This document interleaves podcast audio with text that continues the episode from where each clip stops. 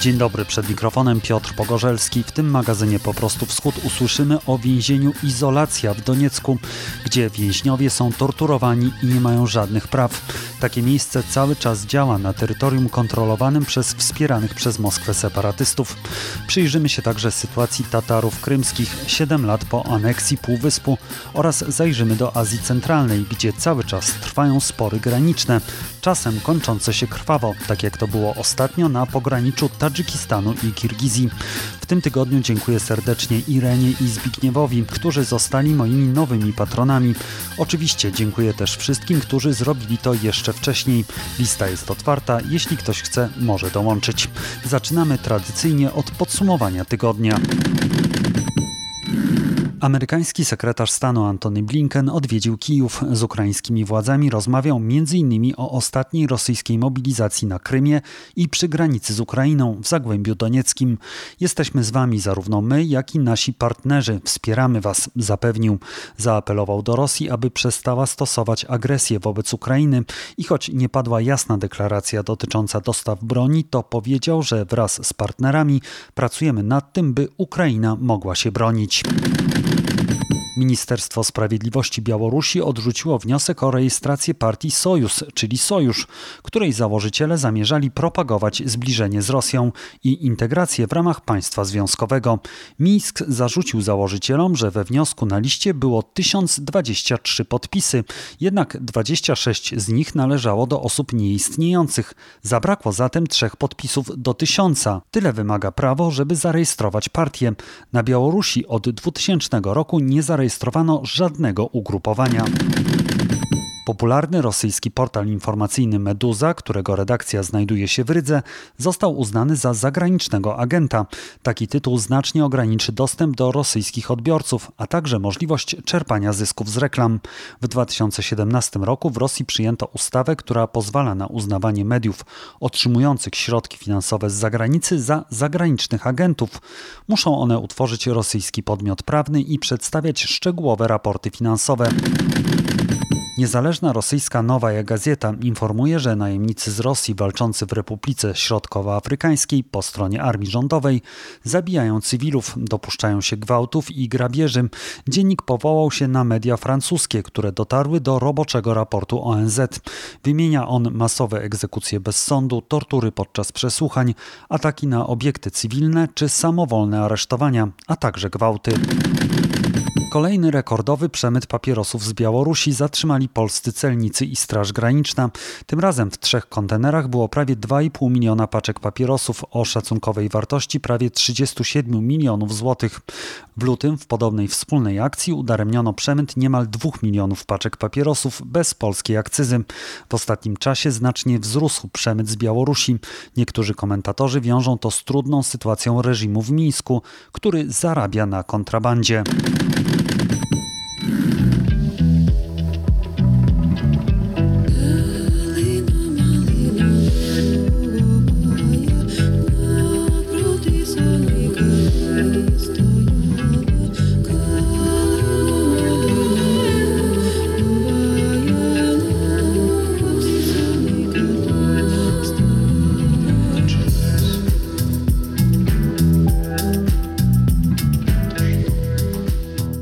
Pierwszym gościem będzie Stanisław Asiejew, dziennikarz i autor porażającej książki Świetlista Droga historia pewnego obozu koncentracyjnego, gdzie opisuje dwa lata, które spędził w rękach donieckich separatystów.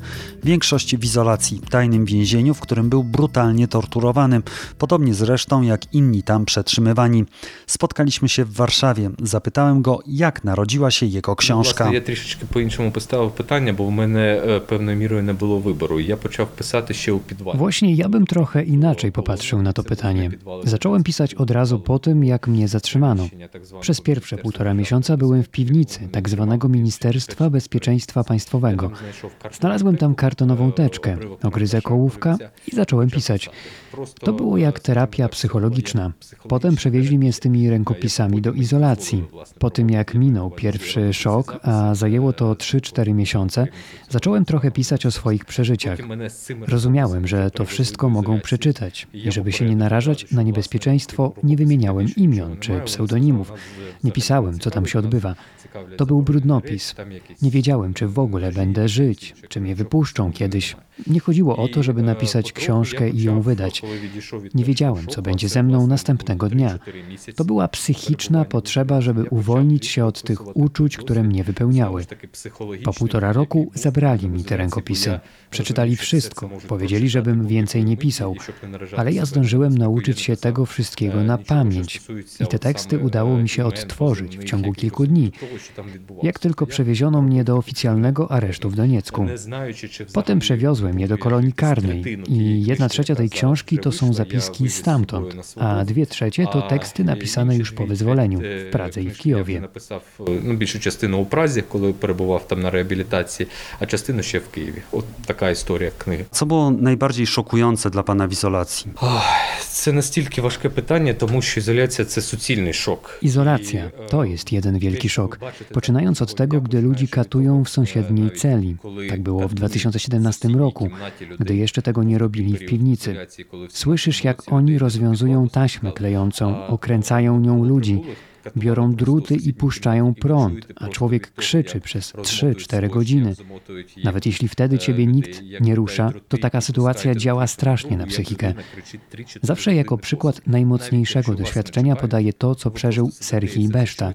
On trafił do izolacji razem z synem. Byli razem torturowani na jednym stole. Ich rozebrano do naga, przywiązano taśmą do stołu i torturowano jednocześnie. Potem syna wzięli do sąsiedniej celi, a Serhii trafił do nas. To nie było najbardziej szokujące, bo widziałem przez półtora roku wiele osób, których torturowano prądem, ale wieczorem on zawsze siadał na skraju pryczy i przez półtorej godziny wyłączał się z życia.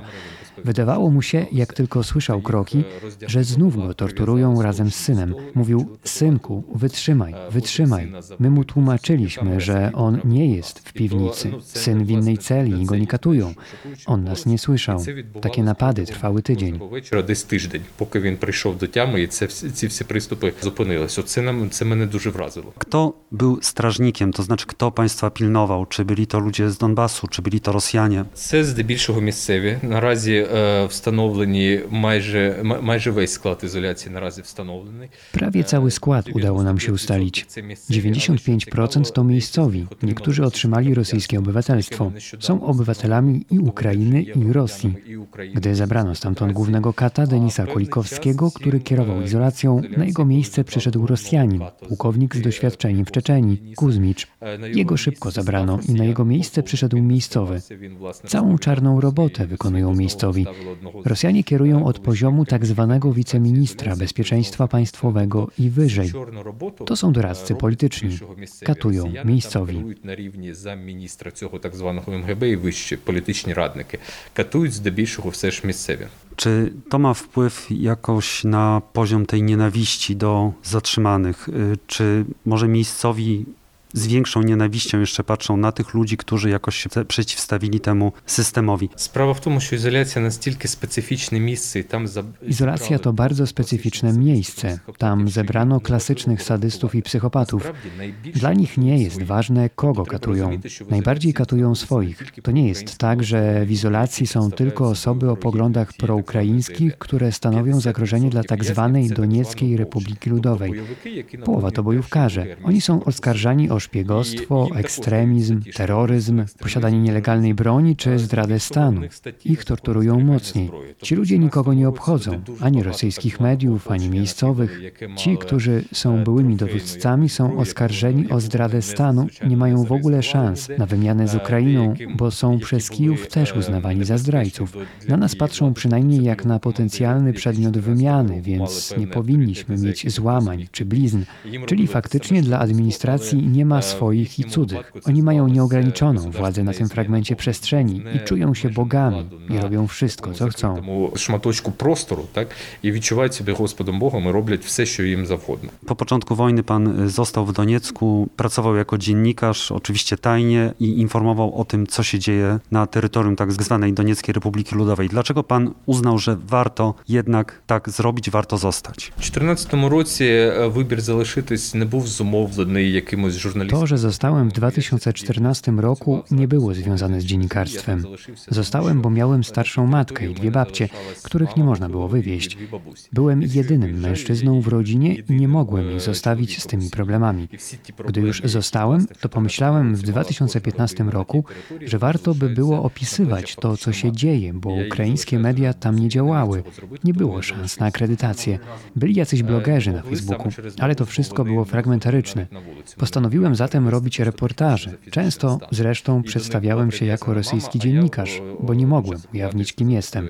Udawało mi się tak pracować przez dwa lata. I to no, mnie wydawało, właśnie dwa roki robić. Właśnie o to chciałem zapytać, jak możliwa była praca tam dziennikarza, bo wiadomo, że takie osoby są prześladowane. Pan mówi, że przedstawiał się jak Rosjanin, ale jakoś pan musiał przesyłać te materiały, jakoś się musiał przedstawiać. Jak wielkie to było ryzyko? Na przykład, якщо проходив jakiś obstrzał Макіївці, na, na jaki ja Na przykład, gdy był jakiś ostrzał w Makiejewce, przyjeżdżałem, widziałem rozbite budynki, ludzi, którzy z nich wyszli, funkcjonariuszy służb specjalnych.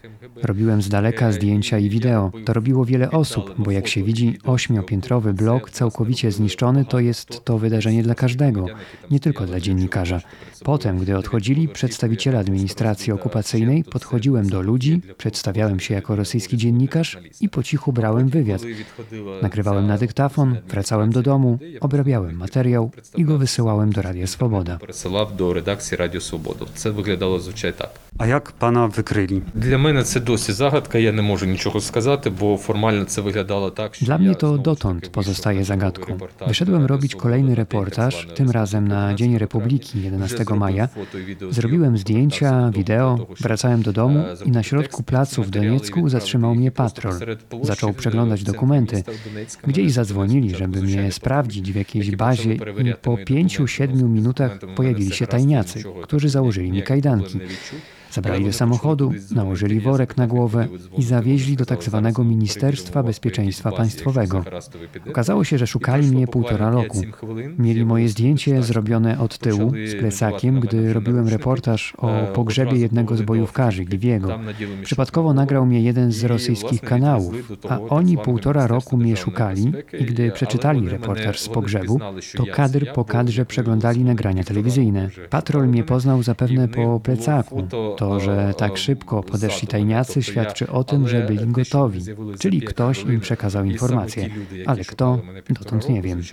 Випадковість і, скоріш за все, хтось передав по мені інформацію туди, але хто я досі не знаю. Czy ma pan kontakty w Makijewce, w Doniecku? Czy wie pan, jakie tam są nastroje ludzi? Цікаво те, що от саме таких цивільних контактів там не лишилось. Я не знаю насправді настрої, але ми зберігаємо контакт. Kontaktów wśród zwykłych ludzi nie mam, więc trudno mi powiedzieć, jakie są nastroje, ale mam kontakty z tymi, którzy siedzą w więzieniach.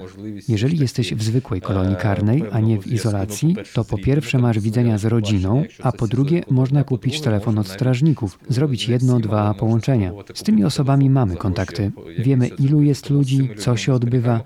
Izolacja to jest czarna dziura. Stamtąd nie ma informacji. Ale щодо ізоляції, знову ж таки, там чорна дира, там інформаційно нічого звідти не виходить. Dlatego, że interesuje mnie kwestia jakiejś możliwości w przyszłości, kiedy zakończy się wojna, pojednania tych Ukraińców, którzy tam mieszkają z Ukraińcami, którzy mieszkają na terytoriach kontrolowanych przez Kijów. Czasem oglądam doniecką telewizję i widzę, w jaki sposób jest obrabiana młodzież, obrabiane są dzieci, jak jest bardzo duża propaganda antyukraińska ze strony tak zwanego DNR. Czy pana zdaniem rzeczywiście jest możliwe później zlepienie tych e, dwóch części kraju? Знаєте, no po pierwsze, ja думаю, że takie pytanie nie powstanie w najbliższym desetiletiem. Ta kwestia nie będzie aktualna przez najbliższe dziesięciolecia. Tych terytoriów nikt nam nie odda, dopóki rządzi Putin i jego otoczenie.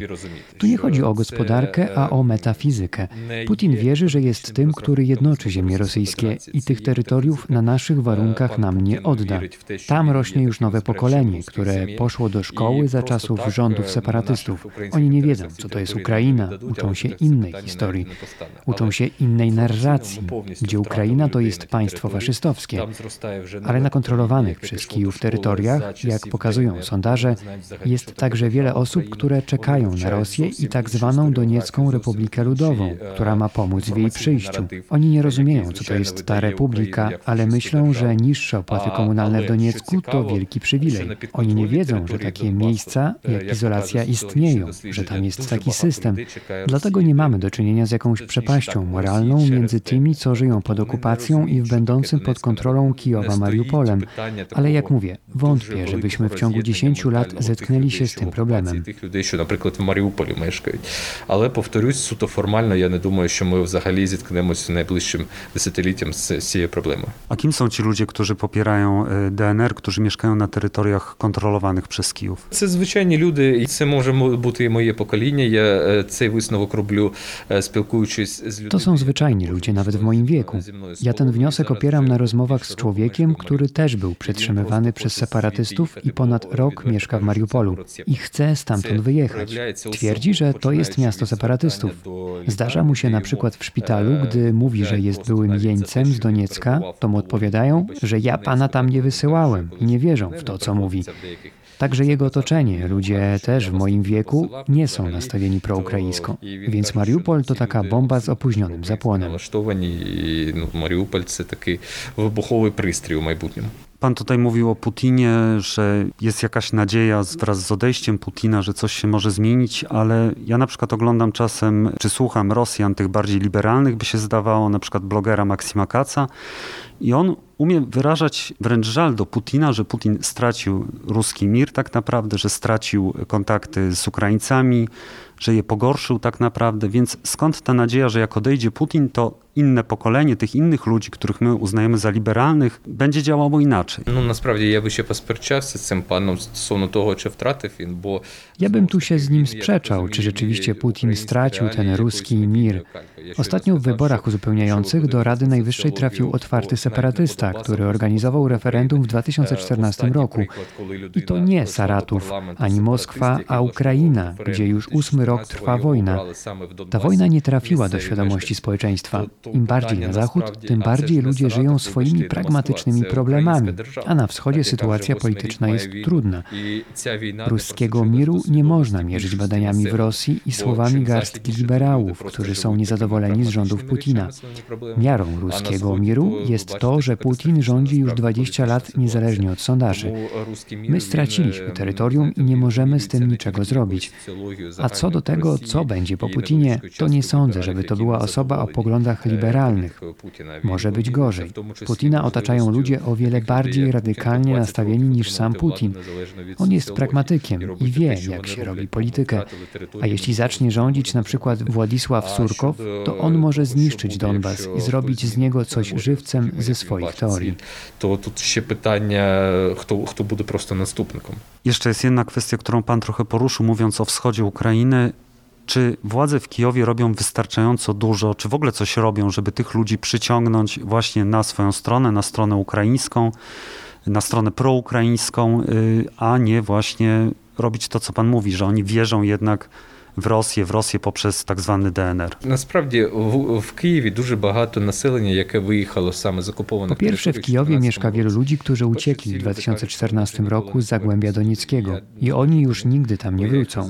Ja też, choć jestem tylko rok na wolności, a oni już budują nowe życie 7 lat. Mają dzieci w szkołach. Mówią, że nie mogą tam wrócić, bo nie chcą mieszkać z separatystami na jednej ulicy. Ale ci ludzie często nie są zadowoleni z polityki państwa, bo widzą, że władza nic nie robi, żeby tacy ludzie jak ten wspomniany separatysta nie trafiali do parlamentu. Państwowa polityka informacyjna jest porażką, szczególnie w porównaniu z tym, co robi Rosja, która robi to nie tylko za pośrednictwem rosyjskiej telewizji, ale też do niedawna robiła na ukraińskich kanałach prorosyjskiego oligarchy Wiktora Medwedczuka. One zostały ostatnio zamknięte. Informacyjnie całkowicie przegrywamy. Państwo mogłoby zrobić więcej, żeby młode pokolenie dorastało rozumiejąc, kto prowadzi tę wojnę i dlaczego do niej doszło. A tak na przykład w obwodzie odeskim część mieszkańców w ogóle nie uważa Rosji za stronę konfliktu. Nie widzą Rosji jako państwa agresora. Krainu agresora. No to провал, повний провал державної політики інформаційної. Okej, okay, ale dlaczego jej nie ma tej polityki? Dlaczego władza się nie decyduje jej prowadzić? Я думаю, що тут проблема в тому, що за часів пана Зеленського ну немає глобального розуміння, що таке Російська Федерація. I Myślę, że za czasów Włodymyra Zełenskiego nie ma ogólnego zrozumienia, czym jest Federacja Rosyjska. Stąd wynika także podejście dyplomacji, w tym na rozmowach w Mińsku, gdzie jestem członkiem grupy do spraw humanitarnych. Widzę, że narracja polega na tym, że trzeba zrobić wszystko, żeby porozumieć się z Rosją, a nie odnosić się do niej jak do państwa agresora. To samo się odbywa w polityce informacyjnej na poziomie państwa, żeby nie drażnić Rosji. Bo nawet jeśli chodzi o izolację, prezydent nic nie powiedział. Choć istnienie współczesnego obozu koncentracyjnego w Europie w XXI wieku na naszym terytorium, nawet jeśli jest okupowane, jest powodem, żeby prezydent coś powiedział, a oni tak po cichu próbują załagodzić te kąty ostre w stosunkach z Rosją, żeby jej nie drażnić. Kuty jeszcze. Oni mają nadzieję na jakiś biznes, tak? na odnowienie tych kontaktów, żeby robić te interesy, które Zeleński na przykład jako swoje studio kwartał robił przed wojną? Ні, я б так не сказав. Тут питання не в бізнесі, а питання w тому, що Зеленський прийшов. Nie, tu nie chodzi o biznes. Zełenski doszedł do władzy obiecując zakończenie wojny, której nie udało się zakończyć Poroszence. Nawet teraz, po wyborach w 2019 roku, jest ogromne napięcie na linii Poroszenko-Zełenski. Prezydent chce zrobić to, co nie udało się Poroszence. Stąd ta niechęć do drażnienia Rosji, bo może w przyszłości uda nam się dogadać. Tu nie chodzi o biznes, a osobiste ambicje polityczny. Tak, to prosto osobiste jakieś polityczne ambicje. To zakończmy jeszcze wracając do książki. Dlaczego Pana zdaniem warto by było, żeby Polacy też przeczytali tę książkę o izolacji? Ну насправді, вийшовши на свободу у грудні 19 roku. Wyszedłem na wolność w grudniu 2019 roku. Izolacja istniała już wówczas 6 lat. Spotkałem się z tym, że na samej Ukrainie nikt o tym nie wie. Poczynając od polityków najwyższych rangą, którym mówię o izolacji, a oni pytają, czy to takie więzienie.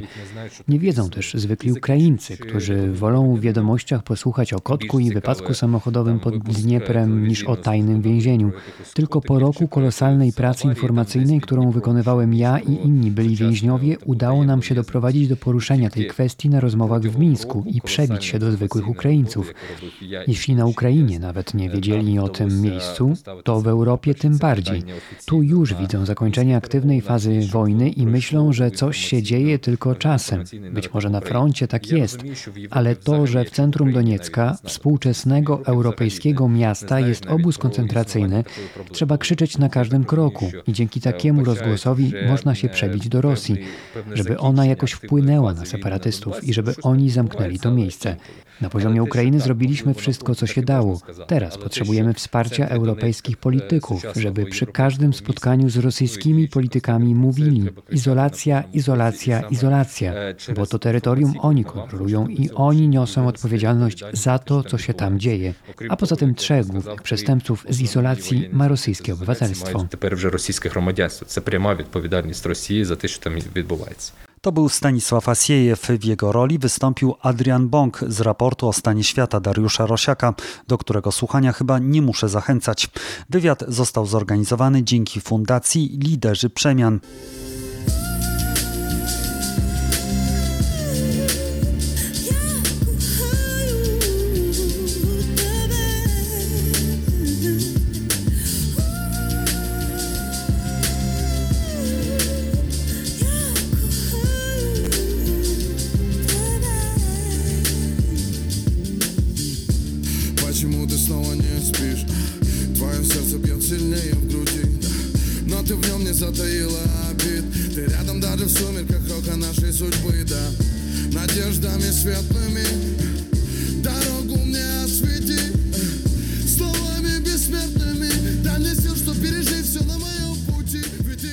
Przeniesiemy się teraz z Zagłębia Donieckiego na Krym, 7 lat temu odebrany Ukrainie przez Rosję. Jedną z grup, która najaktywniej stawiała opór agresji byli Tatarzy krymscy. Moim gościem jest dr Mariusz Marszewski, ekspert Ośrodka Studiów Wschodnich i autor analizy przystosować się, by przetrwać Tatarzy krymscy 7 lat po aneksji Krymu, napisanej wspólnie z Tadeuszem Olszańskim. Dzień dobry. Dzień dobry, bardzo miło. Mówiąc w wielkim skrócie, Tatarzy krymscy stanowili przed aneksją około ćwierć miliona mieszkańców Półwyspu. To jest grupa bardzo poważnie doświadczona przez historię. Po II wojnie światowej zostali wysiedleni do Azji Centralnej i zaczęli wracać dopiero na przełomie lat 80. i 90. Stąd też e, zapewne ich brak zaufania do Moskwy. Jak te 7 lat zmieniło sytuację Tatarów? Może zacznijmy od przywódców krymsko-tatarskich, od samorządu, czyli od medżlisu. Jaki w ogóle teraz jest, może nawet nie status, ale jaki jest wpływ tej organizacji na życie Tatarów na Półwyspie? Medżlis jest organizacją niezmiernie głośną. Przywódca Medżlisu, Dżemiliow, Mustafa Dżemiliow, jest e, osobą, która e, jest łagiernikiem, weteranem radzieckiego systemu penitencjarnego skierowanego przeciwko więźniom politycznym, osobą, która kilkadziesiąt lat temu kilkadziesiąt lat przed rozpadem Związku Radzieckiego, a Związek Radziecki rozpadł się 30 lat temu, była już znana z tego, że występuje o prawa Tatarów krymskich, wtedy jeszcze zesłanych. E, on był osobą, która podejmowała głodówki, system non-wiolencyjnego oporu, Gandhi, jak Gandhi, bez, bez użycia przemocy. Przez to miał znakomite kontakty w środowiskach dysydenckich, w środowiskach na całym świecie demokratycznych, liberalnych, e, związanych z, z tym koszykiem helsińskim, e, ustawczących obronę praw człowieka, który Związek Radziecki obiecał stosować. I z tego wyrosł nieprawdopodobna legenda osoby też, no nie kojarzymy ruchów e, non-wiolencyjnego oporu przeciwko niesprawiedliwości ze społecznościami muzułmańskimi, a Tatarzy krymscy byli takim wyjątkiem, który w dużej mierze w potocznym rozumieniu ostrzegania społeczności muzułmańskiej na świecie, które właśnie drogą non-wiolencyjnego oporu w czasach radzieckich e, walczyły o możliwość powrotu do ojczyzny, ponieważ ze stajnowskiej deportacji kilku ludom nie pozwolono wrócić, pozwolono na przykład Czeczeńcom, pozwolono Inguszom, pozwolono Karaczajom, Bałkarom, a nie pozwolono wrócić na przykład Koreańczykom i Tatarom krymskim. Tatarzy krymscy mogli wrócić dopiero, kiedy rozpadał się Związek Radziecki. Stąd ich nieprawdopodobna, jak na były Związek Radziecki, jednak poczucie braku sentymentu w stosunku przykład do Stalina, do Związku Radzieckiego, nieufność wobec Moskwy, tak jak e, pan przepięknie powiedział, i znakomite kontakty na świecie, takie też nietypowe dla takie w środowiskach demokratycznych, liberalnych, e, związanych z obroną praw człowieka. I Medżlis, taka forma ich niezależnego samorządu,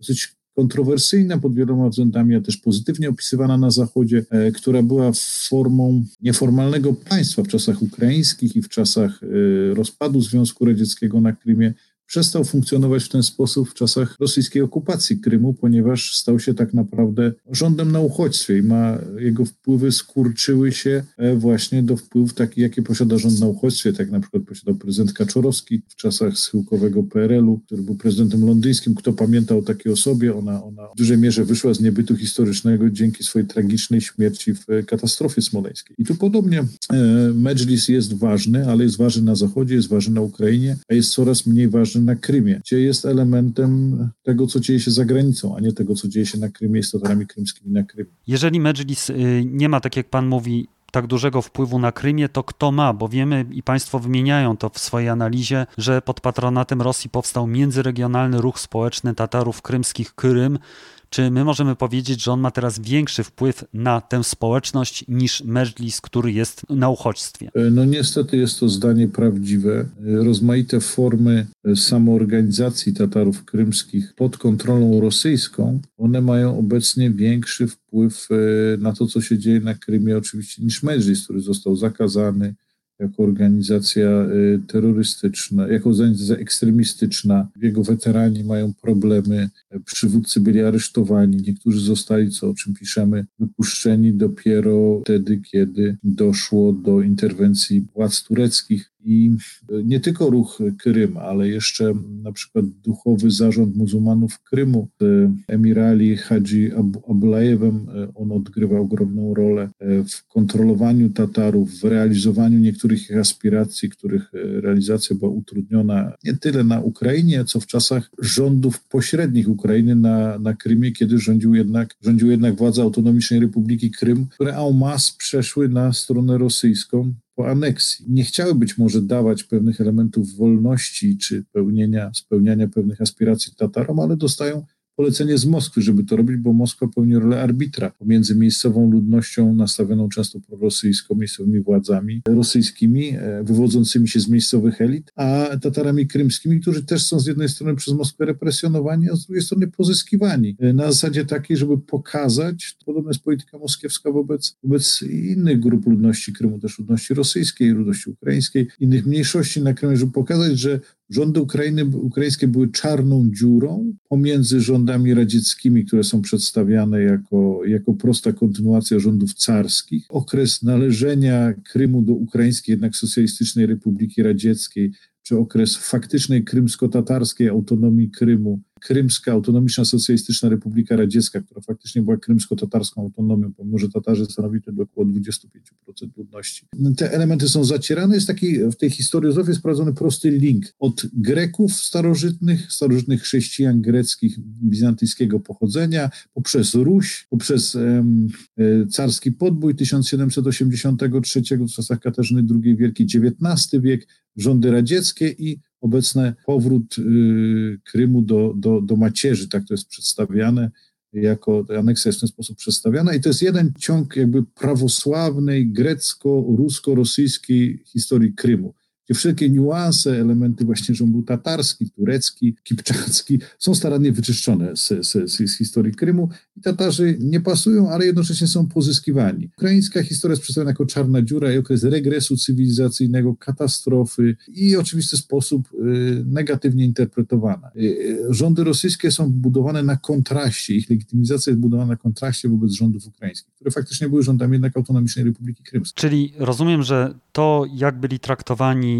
Y, Tatarzy krymscy do aneksji i chyba raczej, ja miałem przynajmniej takie wrażenie, że władze w Kijowie mało robiły dla tej grupy narodowościowej na Krymie. Rozumiem, że to była autonomiczna republika, ale mimo wszystko jakiś wpływ miały. Z tego, co pan mówi, wynika, że właściwie za to odpowiadają tylko ówczesne władze przed aneksją Symferopolu? No to trudno, to jest zespół szeregu czynników. Były różne władze ukraińskie na Krymie. Trzeba pamiętać, że e, z punktu widzenia interesów Krymczan, czy narodowości krymsko-tatarskiej, czy narodowości ukraińskiej, czy narodowości rosyjskiej, czy Krymian, to najgorsze rzeczy robiła władza Janukowycza. A ona jest przedstawiana, ten cały desant e, donieckich, e, donbaskich, drapieżnych liderów często proweniencji kryminalnej, posługujący się kryminalnymi metodami eksploatacji Krymu, e, u schyłku Ukrainy jest przedstawiany jako, jako całość rządów Ukrainy na Krymie. I, I to, co zrobili Donieccy, którzy przecież byli prorosyjscy, ostatecznie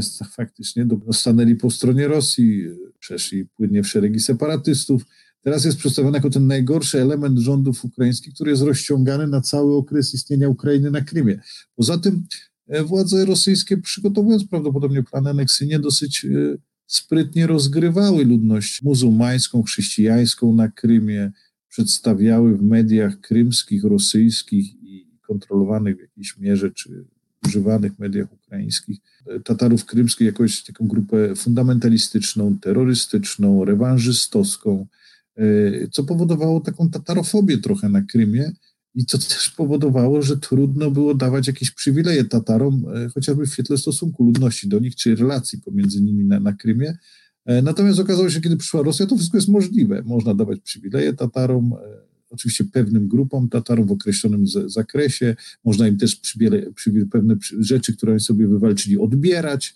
To jest tak chytrze dosyć robione, no chociażby kwestia edukacji, która w naszej analizie jest potraktowana dosyć pobieżnie, Myśmy przedstawili, y, to był zarzut między innymi ze strony środowisk krymsko-tatarskich, bo okazało się, że ta analiza została przyjęta dosyć ciepło i jako, chociaż ona jest dosyć taka mm, chłodnym okiem oceniająca wszystkie relacje w trójkącie Rosja, czworokącie Rosja, Krymczanie, Krymianie, Tatarzy, Ukraina, to zwrócono uwagę y, nam jako autorom, że my ulegliśmy czarowi rosyjskiej oficjalnej statystyki Natomiast realna sytuacja, jeśli chodzi o to poszerzenie krymsko-tatarskiej edukacji, wygląda w ten sposób, że z jednej strony są szkoły dwujęzyczne, a z drugiej strony unika się wykładania w języku krymsko-tatarskim. Przedmioty i maturalne świadectwa i dominacja ma być e, języka rosyjskiego. I faktycznie dokonuje się takiej polityki, w której rozszerzanie krymsko-tatarskiej edukacji odbywa się jednocześnie kosztem języka krymsko-tatarskiego jako używa, używanego kosztem prestiżu języka krymsko-tatarskiego, a to jest robione środkami nieformalnymi, poprzez naciski, poprzez same decyzje dzieci, rodziców, którzy widzą, że to jest nieprzydatne, że to jest jakieś tubylcze, no trochę tak y, gwarowe, niepotrzebne, przeszkadza w karierze, nic nie daje.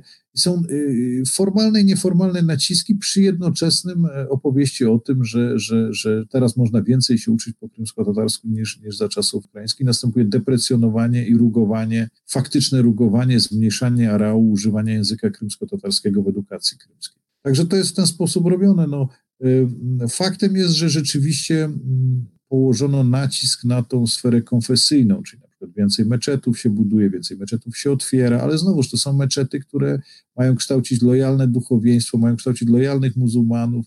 Y, rola duchowego zarządu muzułmanów Krymu, tej organizacji, która stała się kolaboracyjną z muftim Emir Ali Abłajewem, Emir Ali Hadzi Abłajewem, też odgrywa ogromną rolę. I, i, ale to jest oparte z kolei na wzorcu czeczeńskim, czyli no, takim jeszcze opartym na wzorcach carskich, czyli można rozszerzać pewne wolności religijne dla, dla wyznawców islamu w zamian za ich absolutnie lojalistyczną postawę.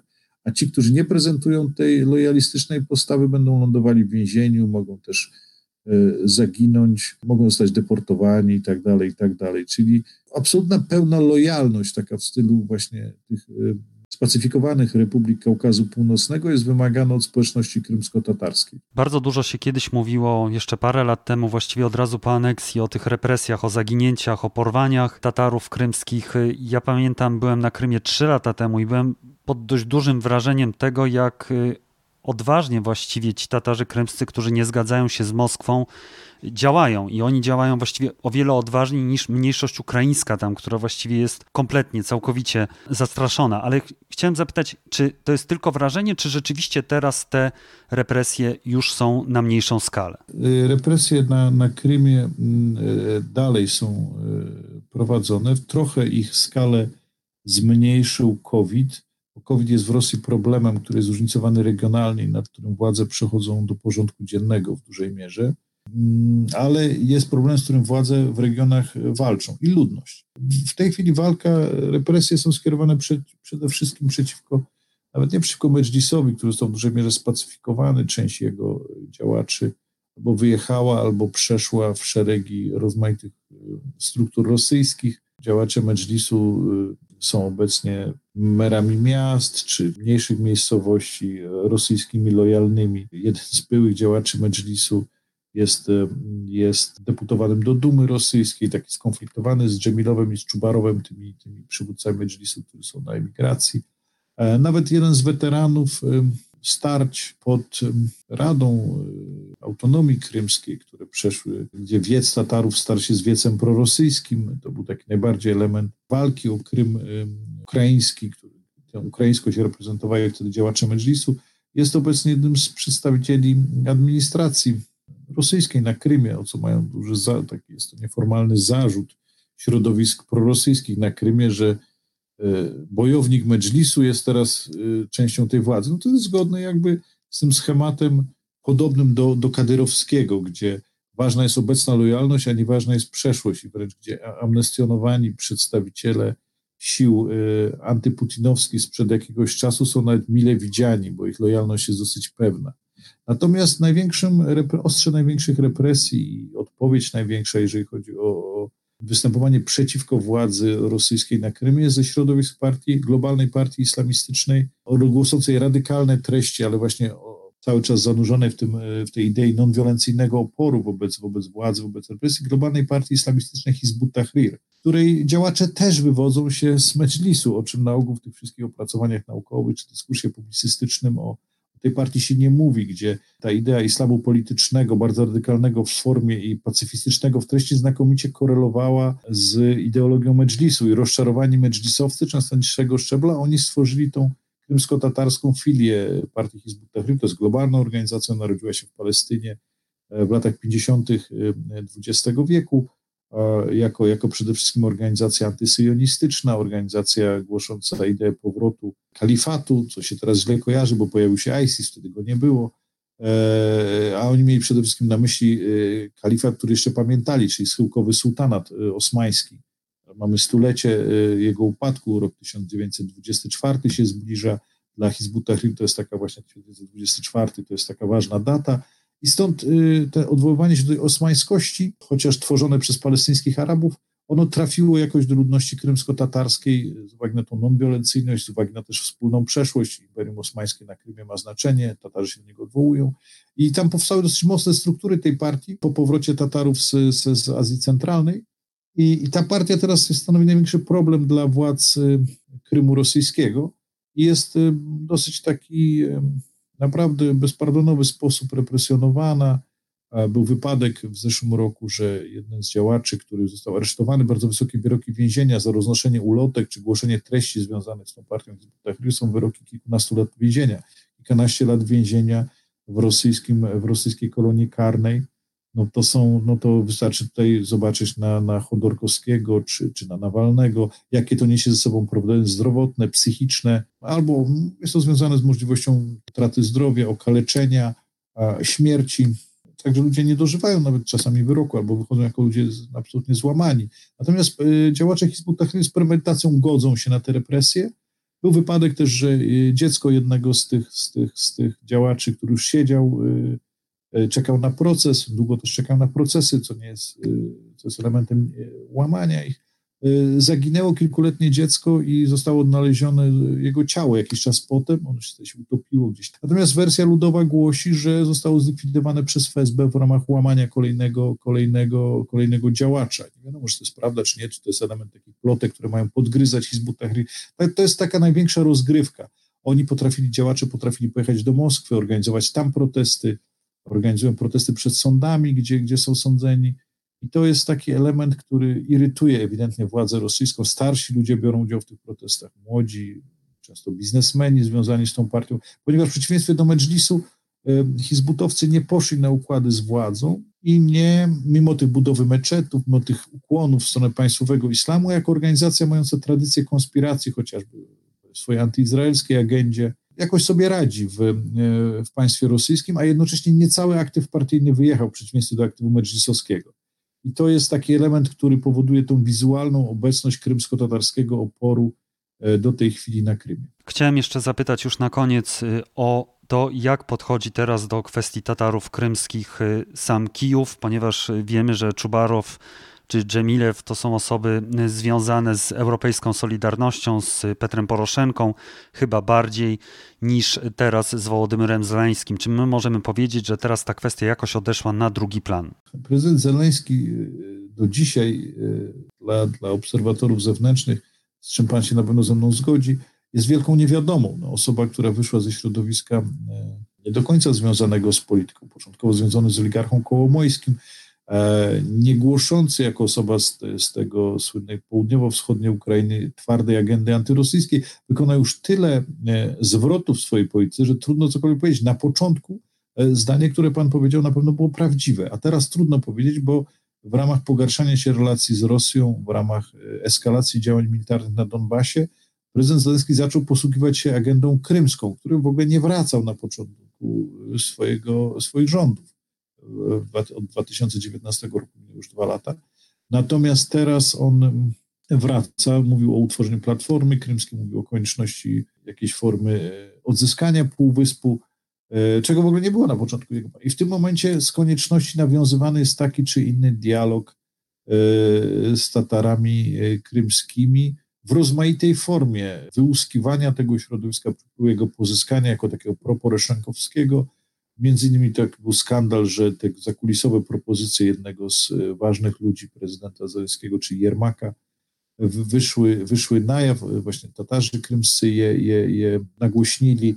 E, także to środowisko Tatarów krymskich zaczęło Ukraiń, na Ukrainie, a w uchodźstwie zaczęło nabierać znaczenia z uwagi na zmieniającą się geopolitykę i zmieniającą się agendę prezydenta Zeleńskiego w, w stosunkach A konferencja Krymskiej Platformy ma się odbyć w sierpniu, tuż przed 30. Y, rocznicą niepodległości Ukrainy, czyli przed 24 sierpnia. Tam mają być zaproszeni politycy zachodni, będą właśnie debatować nad tym, jak y, wesprzeć Ukrainę w odzyskaniu kontroli nad Krymem. Doktor Mariusz Marszewski, Ośrodek Studiów Wschodnich, bardzo dziękuję. Dziękuję bardzo.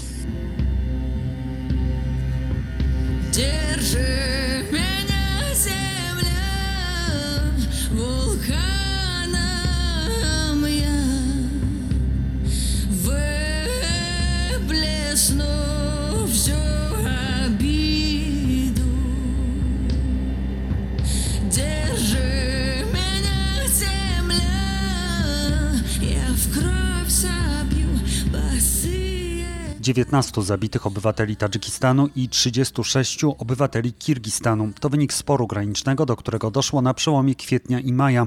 Konflikt rozpoczął się od sporu o dostęp do wody. Moim gościem jest doktor habilitowana Anna Cieślewska, badaczka Azji Centralnej i Kaukazu. Dzień dobry. Dzień dobry. Dużo się teraz y, mówi o tym, że w przyszłości na świecie będzie dochodziło do walk, czy wręcz wojen o wodę.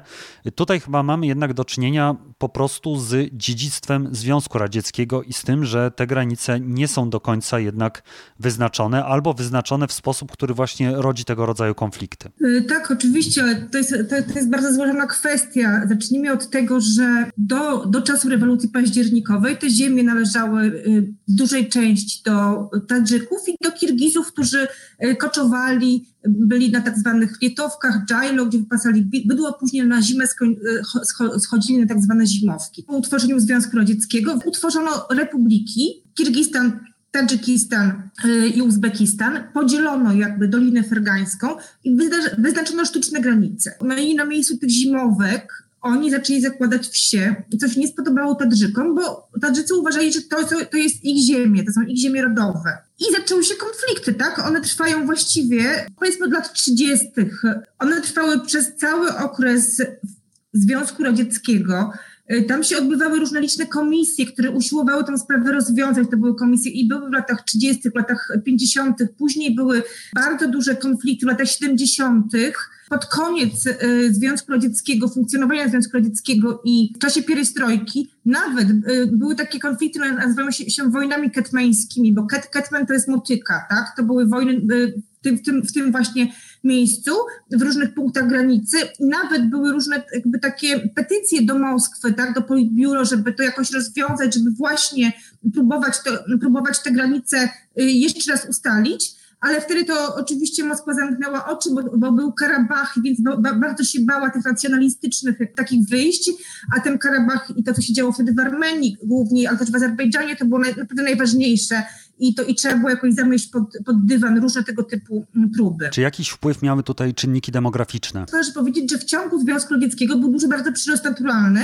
On się od XIX wieku chyba 20 razy do lat 90. zwiększył, ale od 90. do mniej więcej 2010 roku dwa razy w enklawie Woruch samej, tak? Duży przyrost naturalny. Brak e, w tych rejonach akurat pracy, brak możliwości, to, to się wszystko jakby, jakby zbiera na to, że ten konflikt e, po prostu jest. Ja rozumiem, że mamy tutaj dwie płaszczyzny, ale z tego, co pani mówi, to wynika, że te konflikty były też za czasów Związku Radzieckiego. A jakie za czasów Związku Radzieckiego miała w ogóle znaczenie granica, jeżeli w końcu te republiki były częścią jednego wielkiego otworu państwowego. Granica to może miała mniejsze znaczenie. Większe znaczenie miało, miało to, że tak naprawdę my, my myślimy takiej kategorii jak granica państwo-nacja. Tam były, jak ja wcześniej wspomniałam, to były ziemie rodowe, a w lodów, tak zwanych rodów tadżyckich. Nam, ja dam taki prosty przykład enklawy Woruch, która jest w tej chwili centrum, tego, epicentrum tego konfliktu. Enklawa Woruch, ludzie z Worucha, która jest enklawą tadżycką na terenie Kirgistanu. Zresztą ludzie z Worucha, bo ja teraz przyjrzałam sobie Facebooki przed tą naszą rozmową, e, zamieszczają masowo, że enklawa Woruch nie jest enklawą, jest połączona z Tadżykistanem drogą, którą się jeździ głównie za dnia, jeśli się jeździ w nocy, to można być obrzuconym kamieniami, ja jeździłam kilkakrotnie po tej drodze w różnych konfiguracjach. Droga przejeżdża przez te terytoria kirgijskie, ale częściowo też jakieś tam odpryski tadżyckich. No więc te rody uważały, że Woruch jest ich ziemią, wszystkie te, te, tereny wokół Worucha również, a Kirgizi po prostu byli koczownikami, którzy sobie tam koczowali. Zostało to podzielone jakby sztucznie. Kirgizi się osiedli, tak jak ja mówiłam wcześniej, i y, stworzyli własny Sowkos, on był, Sowkos był, był obok granicy, cały Woruch był kołchoz, kołchozem, tak? I zaczęły się po prostu międzykołchozowe, międzysowkozowe awantury, ale tak naprawdę awantury między plemionami i rodami, też to można tak oczywiście rozumieć, o wodę, o dostęp po prostu do ziemi, o tym, co jest kogo, jaka część jest, jest czyja. Mm, na przykład między Woruchem jest Kirgistanem jest taka wieś Aksaj, od Worucha dzieli jest, jest, taka droga, że się po jednej stronie drogi jedzie, to się jest w Tadżykistanie, a po drugiej stronie y, y, drogi się jedzie, jest się y, w Kirgistanie. Więc stąd po prostu te, te awantury były oczywiście. To nie, nie chodziło o granice bardziej, ale bardziej po prostu o takie różne głębsze sprawy, o dostęp do oczywiście do resources, no i o to właśnie, że Tadżycy mieli pretensje, że to są rodowe ich ziemie, a Kirgisi nie chcieli też tego uznać. Ja rozumiem, że tych enklaw tego typu jest więcej i generalnie w ogóle cała Azja Centralna jest chyba takim dość wymieszanym regionem, bo mamy też Tadżyków mieszkających w Uzbekistanie, w Samarkandzie. Czy ci ludzie już się przyzwyczaili do tego rodzaju życia, powiedzmy w obcym państwie, pod obcym państwem? To jest w ogóle bardzo głęboki temat. Ja bym Samarkandy tutaj nie ruszała, ale na przykład jest enklawa Soch, która zamieszkała przez Tadżyków, ona jest na terenie Uzbekistanu. Jest w ogóle siedem enklaw, teoretycznie było osiem, ale jakoś ta siódma enklawa się po prostu gdzieś tam rozpuściła. E, problem polega na tym, że mm, teraz jakby były różne próby rozmów między, mm, między Kirgistanem a Uzbekistanem na temat w ogóle regulacji granic i one nie skończyły się dobrze. Natomiast w kwietniu szef Biura Bezpieczeństwa Taszijew Kirgiski powiedział, że, że enklawa Woruch powinna wejść w jakby w część Kirgistanu i za to ci, ci ludzie powinni gdzieś być przesiedleni i Tadżykistan oddać swoje ziemię z, jakby, z tego jakby województwa niedalekiego tej enklawy, co wywołało straszny skandal w Tadżykistanie. Tak? I to było bardzo dużym takim po prostu jakby policzkiem nawet, tak? Ja, ja widziałam komentarze i stąd może też były, zaczęły być takie różne próby, yy, a ten konflikt jest bardzo na rękę i Rahmanowi i w ogóle wszystkim, ponieważ sytuacja jest straszna. Yy, migranci, yy, mężczyźni w produkcyjnym bez pracy siedzący, nie mogący wyjechać, to skończyły się środki po pandemii. Rahman jest coraz mniej popularny, usiłuje przekazać władzę swojemu synowi, więc taka wojna akurat po prostu była dobrym momentem, żeby pokazać, pokazać to, że jednak on coś może jako prezydent, a z kolei dla Kirgistanu też mogła być dobrym pretekstem do odwrócenia uwagi, dlatego że owszem, enklawy są, konflikty są przygraniczne, ale takiej wojny to jeszcze nie było dawno, naprawdę. I ja y, siedząc od kilku dni nad tą wojną, to po prostu ja, to jest moje, moje przeczucie intuicyjne, że ona jest naprawdę bardzo dziwna i że jest to po prostu, to nie jest przypadek. Czyli sugeruje pani, że to jest wojna, która ma jakiś y, podtekst polityczny, czy też może została sztucznie wywołana przez władze w dwóch tych państwach po to, żeby odwrócić uwagę społeczeństwa właśnie od tych problemów, o których pani mówiła? No, mogło tak być. Na przykład przypadkowo ćwiczenia wojskowe Kirgistan zorganizował w kwietniu niedaleko granicy, tak? Oczywiście one miały się odbyć rok temu, a teraz nie odbyły się, ponieważ była korona, ale akurat teraz się one odbyły. Czy przypadkowo podobno Tadżykistan zaczął gromadzić jakieś wojska po tym właśnie oświadczeniu kirgiskim, że enklawa Woruch, jakby, że jest negocjowane, że enklawa Woruch wejdzie, wejdzie w Kirgistan. Obaj politycy, tak, oba kraje potrzebują czegoś, żeby skatalizować nastroje społeczne, które naprawdę są bardzo kiepskie. Ale czy to znaczy, że ci ludzie tam żyją w konflikcie, czy tak naprawdę ci Tadżycy i Kirgizi tam na miejscu no całkiem spokojnie ze sobą współpracują, ale dochodzi właśnie do tego rodzaju sporów. Nie, nie, te spory na przykład w 2020 roku, mimo pandemii było 7 sporów, w 2014 roku, ja tam wtedy byłam z dwa razy chyba, to było ze 30 sporów, ja jedząc do Worucha nie wiedziałam, czy w ogóle wyjadę stamtąd, czy granice zamkną. Y, nie, w tej chwili już nie żyją jakby w zgodzie, do od lat 70., 80., już tej zgody nie ma. Y, bywa symbioza jakaś, tak, spotykają się na bazarach, nie wiem, jakieś prowadzą wymiany między sobą handlowe, ale podobno teraz to po tym konflikcie już czytałam dzisiaj w mediach, że, że jest urwane, tak, że się urywa. To są ciągłe konflikty o wojnę, o e, wojny takie małe, tak o wodę, o ziemię, ciągłe. One są po prostu non-stop. E, e, na przykład woda jest podawana latem do, do, do jakiegoś punktu, nie wiem, przez pięć dni, potem przez tydzień nie ma, tak? I tak dalej, i tak dalej. Więc Więc tutaj jest o co walczyć, natomiast na tą skalę, tak, bo y, przypomnijmy, że według oficjalnych danych 20 osób z Tadżykistanu, 19 zostało zabitych, a 36 po stronie kirgiskiej, ale to są dane, które się zmieniają jak w kalejdoskopie, bo ja już słyszałam, że więcej y, osób zginęło niż 20. Możliwe, że nie, możliwe, że to są tylko plotki, a, a i że więcej oczywiście niż 36 od strony kirgiskiej. No ale padło też zapewnienie ze strony władz z obydwu stolic, że ten konflikt, czy też część tych konfliktowych odcinków granicy zostanie e, ustalonych i to w ogóle już do 9 maja, czyli faktycznie do niedzieli, więc być może komuś jednak zależy na tym, żeby ta granica była kontrolowana i żeby ona istniała, żeby do tych konfliktów nie dochodziło. Ja myślę, że to jest, to jest w ogóle mieszanka różnych czynników, że może, że mają się spotkać podobno prezydenci obu państw i ustalić i w końcu może to, to nastąpił jakiś pik, który spowoduje to, że część rzeczy zostanie ustalona, natomiast część część rzeczy, ja myślę, że nie zostanie ustalona, dlatego że to jest odbijanie piłeczki. E, tak naprawdę, e, jak się czyta i e, media kirgijskie i tadżyckie, się w ogóle słucha to, co się mówi. I, i ja, ja słucham po tadżycku, ale i po rosyjsku, ja nie znam kirgijskiego, to jest takie odbijanie piłeczki, każda strona ma rację i pewne rzeczy są po prostu nienegocjowalne, więc ja nie jestem taką super optymistką. Oczywiście tutaj mm, na przykład Uzbekistan chce negocjować, ale już na, Rosja, no myślę, że też bardzo się, chętnie się podłączy. Pewnie też Kazachstan. Więc może oczywiście z tych negocjacji coś wyjdzie i ta wojna, ta mała wojna będzie jakby takim powodem do tego, żeby część tych granic regulować, ale myślę, że, że to, to, to nie jest aż takie proste przy tej sytuacji społecznej, politycznej, tak, gospodarczej obu państw, szczególnie po pandemii. A czy my mamy przykład w regionie pokojowego rozwiązania takiego konfliktu, właśnie takich sporów granicznych, być może pewnej korekcji granic, ponieważ teraz też się o tym mówi. Czy takie przypadki były w przeszłości? Tak, oczywiście były takie przypadki. Na przykład ostatnia, e, ostatnia próba, która była e, taka podjęta między Kirgistanem a Uzbekistanem, żeby te granice uregulować, jakby dalej te negocjacje trwają.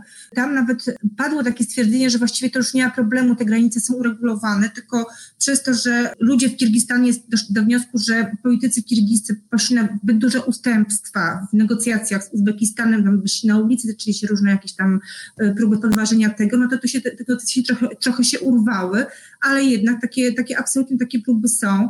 E, no to uregulowana jest praktycznie w całości, no nie do końca, ale granica z Chinami, tak, so, jakby to, jest to możliwe, tylko że tam jest bardzo specyficzna akurat tam, w, tamtych, w tamtym rejonie sytuacja, bo już niedaleko, na przykład y, dosłownie nie wiem, 70-100 kilometrów, granica, na granicy między y, Uzbekistanem a Tadżykistanem nic się nie dzieje. Czy są takie miejsca między, na granicy kirgisko-tadżyckiej, gdzie się też również nic nie dzieje, że jest wszystko ok, bo to, to było uregulowane i wszyscy są zgodni co do tego, jak to ma wyglądać.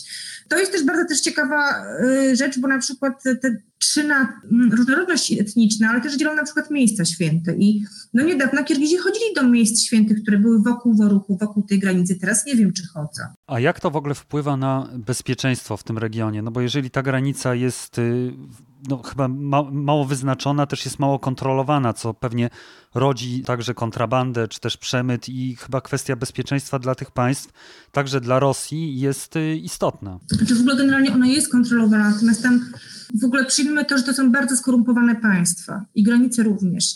I też przyjmijmy, przyjmijmy to, że to się płaci się wysokie łapówki za kontrabandę. To jest jakby jeszcze jedna sprawa.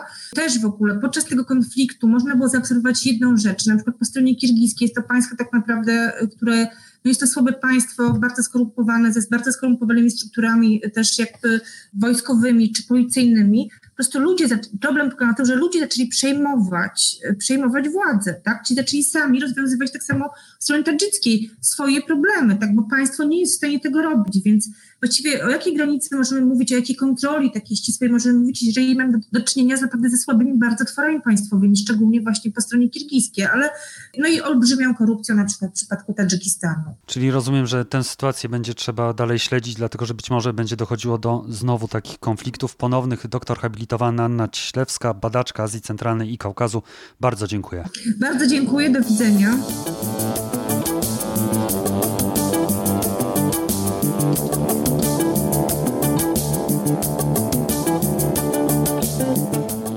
I to już wszystko w tym odcinku podcastu Po prostu Wschód.